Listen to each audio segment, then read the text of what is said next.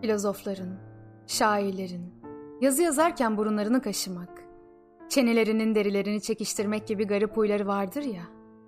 Kalemi ısırmak, saçlarımı gözlerimin üstüne dağıtmak da benim düşüncelere daldığıma alamettir. Benim düşünce saatlerim çok nadirdir. Çünkü o takdirde hayatım masallardaki meşhur kadınların hayatı gibi karma karışık bir saç kümesi içinde geçecekti. Aradan seneler geçti yabancı bir şehirde, yabancı bir otel odasında, sırf bitip tükenmeyecek gibi görünen bir gecenin yalnızlığına karşı koymak için hatıralarımı yazmaya başladığım bu saatte bir elim yine aynı küçük çocuk tavrıyla saçlarımı çekiştiriyor. Bunun sebebine gelince öyle sanıyorum ki ben etrafındaki hayata pek fazla kendini kapıp koyuveren, hafif ve dikkatsiz bir çocuktum. Besbelli. Sıkı zamanlarda kendi kendimle, kendi fikirlerimle yalnız kalmak için gözlerimle dünya arasında bu saçlardan bir perde koymaya çalışıyordum. Kalem sapını dişlerimin arasına çevirmeye gelince onun hikmetini doğrusu kendimde pek anlamadım. Bütün bildiğim dudaklarımdan mor mürekkep lekelerinin eksik olmadığı ve genç kız hali alır gibi olduğum bir yaşta beni bir gün mektepte ziyarete gelen birisinin karşısına adeta yerin dibinde geçtiğimdir. Bana öyle geliyordu ki eski hayatımla yenisinin ayrıldığı nokta bu kapı eşiğidir.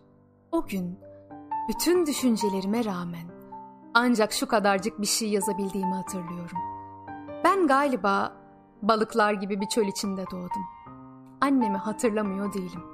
Babamı, dadımı, beni bir gün sokakta koşturan bodur bir kara köpeği. Bir gün Dolu bir sepetten gizlice üzüm çalarken parmağımı sokan arıyı. Gözüm ağrıdığı vakit içine damlatılan kırmızı ilacı. Yeri belli olan ağrılardan korkmamalı. Derinden gelen bazı ağrılar var ki onların ilacı yok işte. Susarsam beni kendi içimdeki ateş yakacak. Evet, bunlara benzer daha birçok şey aklımdan geçiyor. Fakat bunların hiçbiri hatıra değil.'' Sevdiğim göl içinde, büyük yapraklar arasında çırılçıplak çabalayışım kadar eski değil. Deniz kadar uçsuz bucaksız bir göl. İçinde büyük büyük yapraklar, dört bir tarafında ağaçlar varsa, bu göl nasıl deniz kadar büyük olur diyeceksiniz. Bir insana aşık değilim ben. Yollara aşığım, ağaçlara, çiçeklere, kuş cıvıltısına, su sesine, Benden insana yar olmaz. Kimseye düşündüklerimi, duyduklarımı söyleyemezdim. Ruhum herkese kapalı kalırdı.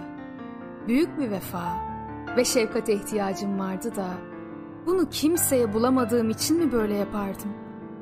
Bunu da anlayamadım. Ben 20 yaşında postunu sudan kurtarmış bir insanım. Canım ne isterse öyle yaşarım.